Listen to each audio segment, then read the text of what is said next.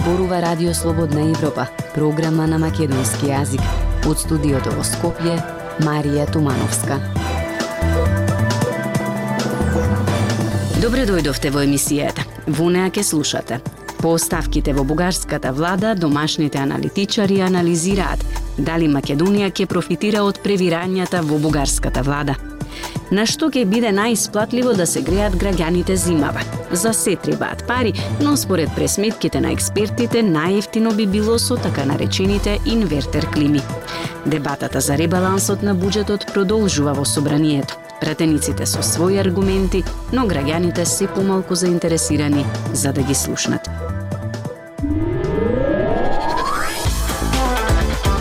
Независни вести и анализи за иднината на Македонија. На Радио Слободна Европа и слободнаевропа.мк. Започнуваме со емисијата. Превирањата на политичката сцена во Бугарија ги подгреваат надежите на Македонија дека на самитот на Европската Унија овој месец би можело да се тргне бугарското вето за почеток на преговорите за членство во Европската Унија. Се прават и дипломатски напори да се изнајде некакво решение, иако тоа засега изгледа невозможно. Прилогот го подготви Јасмина Јакимова. Темата за Македонија беше наведена како една од главните причини поради кои партијата има таков народ на Слави Трифонов ја напушти владата на премиерот Кирил Петков, ставајќи го во ризик обстојувањето на бугарската влада. Трифонов го обвини Петков за национално предавство, а дел од министрите меѓу кои шефицата на бугарската дипломатија Теодора Генчовска даде оставки. Петков изјави дека уште едни избори ќе бидат катастрофални и губење на историско време за Бугарија, како и дека се фокусирани на обезбедување 121 пратеник. Трифонов па го обвине за крадење пратеници. И сите овие превирања се случуваат векот на интензивни дипломатски разговори повезани со бугарското вето кон Македонија, која е на сила веќе две години, а на само десетина дена пред состанокот на Советот на ЕУ во Брисел. Симонида Кацарска, директорката на Институтот за европска политика, смета дека земјава мора да се навекне на подолгорочни превирања во Бугарија. Според неа, најдобро ќе биде нашето приближување кон ЕУ, да го разбереме како наша внатрешна реформска агенда, независно од случувањата во Бугарија. Со оглед на нивните превирања, мислам дека уште повеќе е јасно дека било кое под наводници решение што ќе го изнајдеме со Бугарија мора да биде на цврсти нозе поради веројатноста на уште идни превирања во и кај нас и во е, Бугарија во догледна иднина. Политичкиот аналитичар Алберт Муслиу пак со оптимизам гледа на она што се случува сега во Бугарија. Смета дека превирањата во владата се доказ за посветеноста на бугарскиот премиер Петков за надминување на прашањето со Македонија. Начинот на обезбедувањето на новото мнозинство во Бугарија ми укажува на тоа дека на тоа ново мнозинство му се приклучуваат и поранешни пратеници и на други партии кои веруваат дека треба да се надмине таа блокада. Доаѓањето на власт на премиерот Петков во декември минатата година се сметаше дека ќе отвори ново поглавје во односите меѓу Македонија и Бугарија. Новиот пристап беше представен како фокус кон економската соработка меѓу двете соседни земји, а историјата да се стави во втор план. Сепак како изминуваше времето, историските прашања повторно исплива. Така според последните изјави на Петков, Бугарија сега има три јасни барања кон земјава. Почитување на рамковната позиција што ја усвои бугарскиот парламент, вклучување на бугарите во уставот на Северна Македонија за да се заштитат нивните права и спроведување на договорот за добрососедство. Муслиу и покрај тоа е уверен дека овој јуни Брисел ќе направи исклучок и ќе понуди одредено хибридно решение за Македонија да почне преговори, дури и во случај Бугарија да не го крене ветото. Кацарска пак е попредпазлива. Данас е се уште неизвестно, но меѓутоа мислам дека е многу неверојатно дека ќе се направи некој исчекор од во контекст на Бугарија. Времето е доста кратко. Минатата недела бугарскиот премиер Петко во Софија се сретна со еврокомесарот за проширување Оливер Врахеи, а потоа и со германскиот канцелар Олаф Шолц. На двете средби беше потврдено дека се уште нема договор за Македонија. А председателот Румен Радев уште еднаш повтори дека задача на владата е да го задржи ветото. Радио Слободна Европа, светот на Македонија. На што и да се греат граѓаните, зимава ќе им биде ска, но според пресметките на експертите, најефтино би било со така наречените инвертер клими. Субвенциите за поставување на вакви уреди за домакинствата кои немаат парно продолжуваат и понатаму. Анализа на Ивана Стојкова. Граѓаните уште сега стравуваат како ќе преживеат следнава зима, откако цените на енергенците вртоглаво порасна. Поскапа е струјата, но и дрвата за огрев, нафтата, како и пелетите. Дел од оние кои ги анкетиравме велат дека се одлучиле на грејење со инвертер клими. Имаме ние веќе три години тоа купено тоа. Грееме на мало станче од 55 квадрата, така имаме две спални и една дневна соба со кујна заедно. Задоволни сме. Да ви кажам, луѓето што се греат многу помали квадратури, повеќе плаќаат. Син ми грее, да кажем, можам да речем 200 квадрати и стварно 3600, али у тоа струја влегува и перење, и готвење, машини, све и друго. И многу сме задоволни. Професорот по теоретска механика Дејан Трајковски направил пресметки за тоа на што е најефтино граѓаните да се греат. Најскапо е вели тој грејењето на нафта, потоа следи гасот, па греалки на струја, додека како што вели најефтино е со современите инвертер клими. Професорот вели дека благодарение на високиот коефициент на перформанси, цените од грејењето со инвертер се речиси на исто ниво со цените на топлинската енергија од дрва за горење, а истовремено се и еколошки најприфатливи. Ако споредиме најефтиниот начин на грејење, истовремено еколошки најприфатлив, тоа е грејење со инвертер клима уреди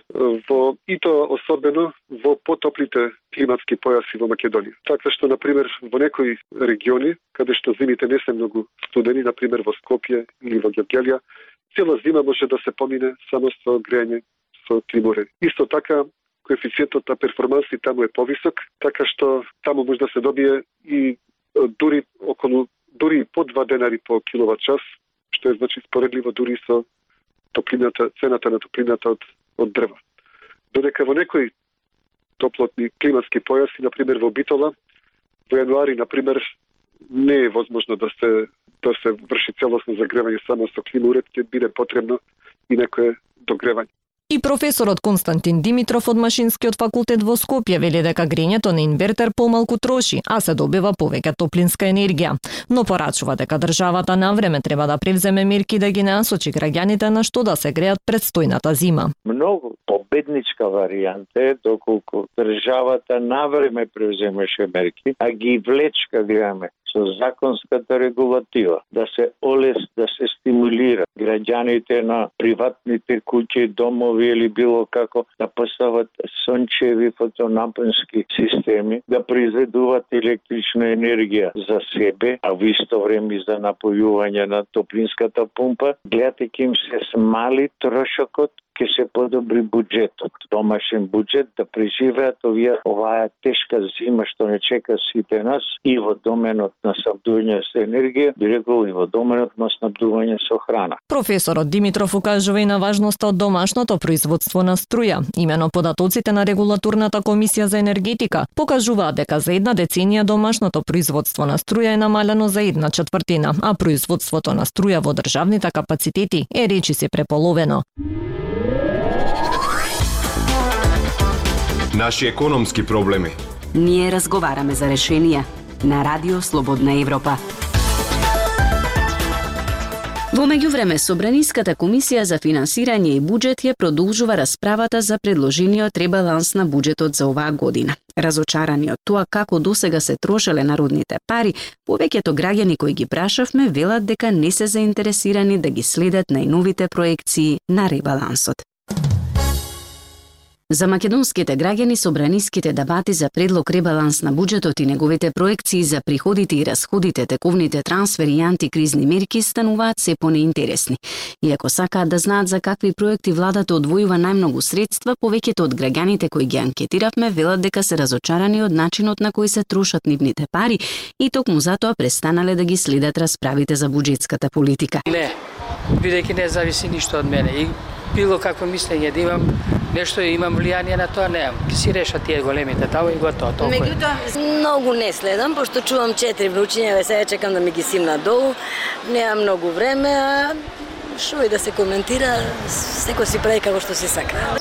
Што да ме интересира? Не ме интересира. Велат дел од анкетираните. Според граѓаните, инфраструктурата, образованието и здравството се секторите за кои треба да се одвојат најмногу пари од буџетот. За дел од нив е нејасно како некои од ветените инфраструктурни проекти се уште се неизградени, а пари постојано недостигаат или се позајмуваат. Прво за училиште Да. Срамота е или градинки, да кажем, да чекаш 8, 9, 10 година дена да трне дете во градинка, затоа што нема место.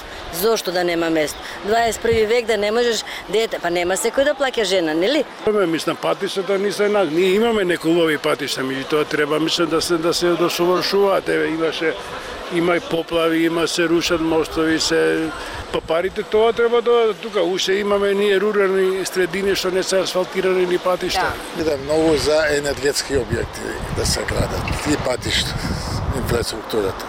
Во меѓувреме, Собраниската комисија за финансирање и буџет расправа за предложениот ребаланс на буџетот за 2022 година.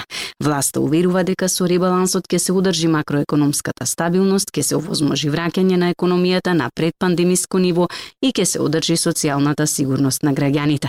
Опозицијската ВМРО ДПМН е пак вели дека власта нема институционален капацитет за реализација на капиталните расходи, наведувајќи го податокот од 20% реализација за пет и половина месеци. Со предлог ребалансот на буџетот приходите се проектирани на 245,8 милиарди динари и истите се за околу 6,9 милиарди динари повисоки во однос на иницијалните проекции.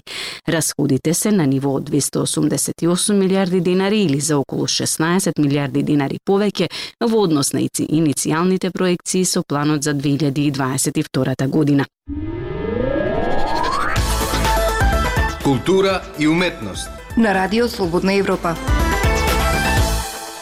Од културата. Работена по прочуениот текст на босанскиот актер и писател Зијах Сокуловиќ утре вечер на 15 јуни во Народниот театар Антон Панов ќе се случи премиерата на монодрамата Глумецот е глумец е глумец во режија и изведба на Коста Ангов. Ова е четвртиот независен театарски проект на Сдруженијето за култура Транзен од Струмица. Деталите ги има колегата Лјупчо Јолевски. Од каде потребата кај актерот, уметникот Коста Ангов да се зафати со денес веќе класичниот текст на доаенот на босанското и некогаш југословенското глумиш Зијах Соколовиќ, монодрамата Глумецот е глумец е глумец. Овој текст првпат го прочитав пред 8 години и веднаш ме освои со својот лесен и едноставен јазик, но искористен да се искажат многу комплексни емоции, ставови, душевни состојби на едно битие, на еден човек, на еден актер, или како што го преведовме за нашата представа на еден глумец. Уште повеќе ме импресионираше фактот што истиот е напишан од актер, кој на свој чудесен начин ги обединува сите проблеми, стравови, дилеми и трагикомични ситуации кои може да ги доживее еден човек кој се бави со оваа тешка и заразно убава професија. Тоа е доајенот на босанското југословенско кино и театар Зијах Соколовиќ, актер кој својата представа ја игра повеќе од 40 години и има преку 1600 изведби. На што се подпревте вие во вашето видување на монодрамата? Што ви беше целта при низиното поставување? Ова монодрама се состои исклучиво и само од трите суштински елементи необходни за постоењето на еден театарски чин, а тоа се актер, приказна и гледач.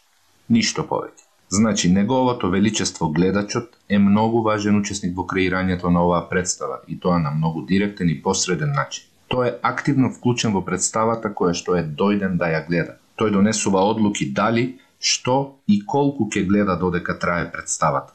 Согласање, демократија на дело и во живо, овде и сега. Конечно, каква задача си поставивте пред себе како актер и режисер при директната комуникација со гледачите на монодрамата? Театарот е жива уметност. Таква е заради присуството на актерите на сцената, но и заради присуството на гледачот во на 12-тиот ред. Денеска театарскиот гледач е сведен на нем наблюдувач. Седнат во темното гледалиште, кој, иако на друг начин, преку размена на енергии комуницира со актерите на сцената, сепак сметам дека му недостига активно и директно вклучување во представата. Активна комуникација со актерот, нешто што не може да се доживее кога се гледа филм, например. Во оваа представа актерот му седнува на гледачот во скут и како метафора, а зошто да не и буквално. И заедно двајцата учествуваат во креирањето на театарскиот чин. Нели, целиот свет е сцена и сите ние сме актери. Ви благодарам на разговорот. Толку во оваа емисија ја слушавте програмата на македонски јазик на Радио Слободна Европа. Од студиото во Скопје ве поздравуваат Дејан Балаловски и Марија Тумановска.